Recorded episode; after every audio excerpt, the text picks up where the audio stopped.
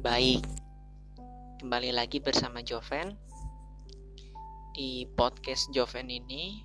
Ini seri kedua dari podcast episode pertama yang gue udah bagiin beberapa minggu yang lalu.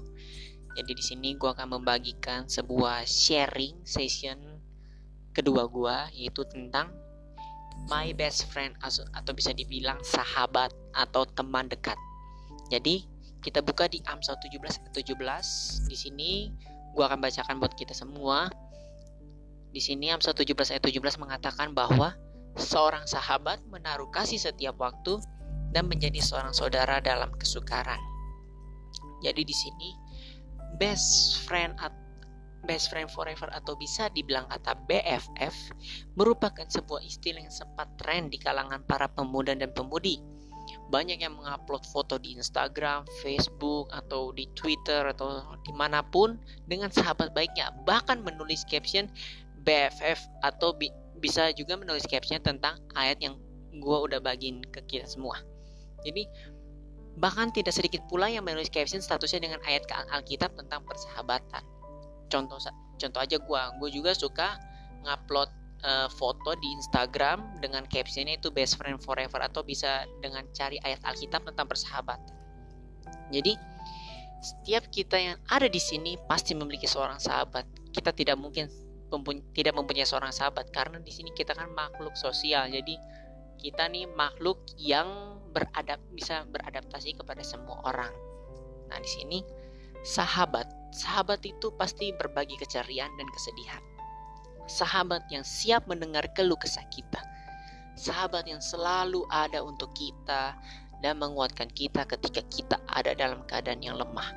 Namun, di luar sana ada orang yang tidak seberuntung kita sebab ada orang yang menganggap bahwa sahabat adalah sosok yang mustahil untuk didapatkan dan sahabat sejati itu tidak mungkin ada. Kenapa sih hal ini bisa terjadi? Jadi, ada beberapa faktor yang menyebabkan seseorang kehilangan kepercayaan terhadap sesuatu yang bernama sahabat. Salah satunya yaitu pernah dikecewakan atau disakiti. Bahkan ada pula yang berpikiran seperti itu karena merasa hanya dimanfaatkan saja. Pada saat ini, seorang sahabat sejati sangat sulit untuk ditemukan. Mungkin salah satu alasannya yaitu tidak ada kecocokan atau mungkin terlalu menetapkan standar yang tinggi mengenai sahabat yang ingin dimilikinya. Misalnya kita ingin mempunyai sahabat sehobi mungkin atau pengen punya sahabat yang kaya raya yang bisa uh, kita nikmati kekayaannya dia dan kita bisa rasakan ditraktir atau semacamnya itu namanya kita menetapkan standar yang tinggi untuk memiliki sahabat. Terkadang sahabat menjadi sesuatu yang sensitif untuk dibicarakan. Jika yang hadir pada saat ini atau yang mendengar podcast ini sudah menemukan sahabat sejati itu, kita harus patut bersyukur kepada Tuhan dan jangan pernah sekali-kali menyakiti hati sahabatmu atau sahabat kita semua. Sahabat adalah seseorang yang Tuhan Yesus berikan bagi kita untuk mengingatkan dan menguatkan kita. Seorang sahabat yang baik tidak hanya ada di saat kamu senang saja, namun ia akan ada dalam keadaan sedih. Ia juga akan menegurmu dengan kasih dan bahkan mau mengkoreksi kamu demi kebaikan kamu. Ia ingin melihatmu maju bersama dengan dia sehingga ia tidak akan membiarkanmu terjatuh begitu saja. Dia tidak akan segan untuk mengulurkan tangannya ketika kamu sedang ada dalam kesulitan Persahabatan yang terbentuk juga tanpa disadari dapat membentuk karakter. Jika kamu bersahabat dengan orang yang baik, maka kamu akan hidup dengan yang baik. Namun jika kamu bersahabat dengan orang yang tidak baik, maka kamu akan menjadi tidak baik seiring dengan berjalannya waktu. Di Alkitab sendiri kita bisa melihat persahabatan antara Daud dan Yonatan. Persahabatan mereka Tuhan berkati dan mereka saling mengasihi satu sama lain. Meskipun Saul ayah Yonatan hendak membunuh Daud, Yonatan tidak segan untuk membantu Daud, bahkan ia pun menguatkan Daud ketika Daud dalam keadaan lemah. Karena kasihnya, Yonatan bahkan mempercayakan kekuasaan raja kepada Daud yang seharusnya itu merupakan miliknya. Apakah persahabatan yang sedang kita jalani sudah sama seperti persahabatan antara Daud dan Yonatan? Apakah kita akan berkorban untuk sahabat kita? Nah, jadi dalam Amsal 27 ayat 6 dikatakan demikian. Seorang kawan memukul dengan maksud baik, tetapi seorang lawan mencium secara berlimpah-limpah.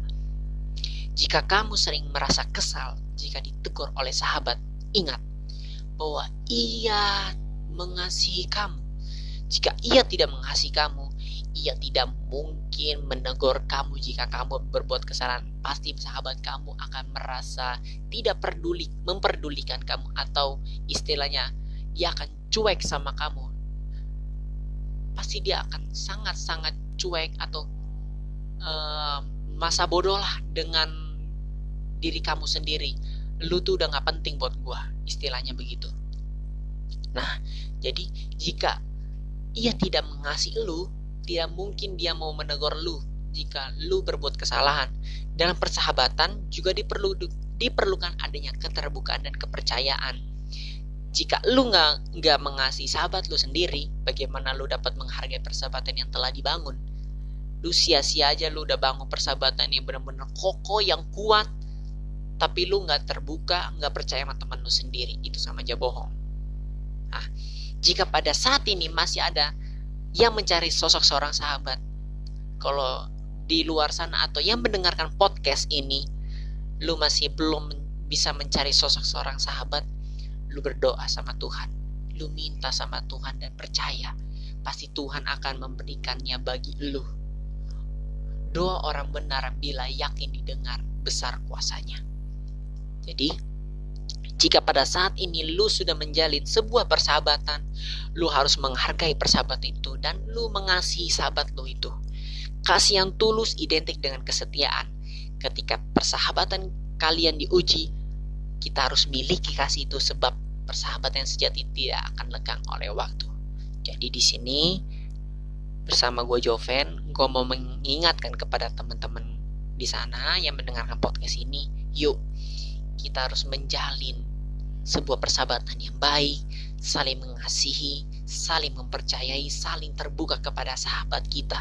Jika kita tidak terbuka ter sesama sahabat kita atau kita tidak memperdulikan sahabat kita, kita tidak dapat menghargai persahabatan yang kita sudah bangun. Mungkin sahabat kita kita udah kenal dia dari empat tahun yang lalu, lima tahun yang lalu kita tidak tahu.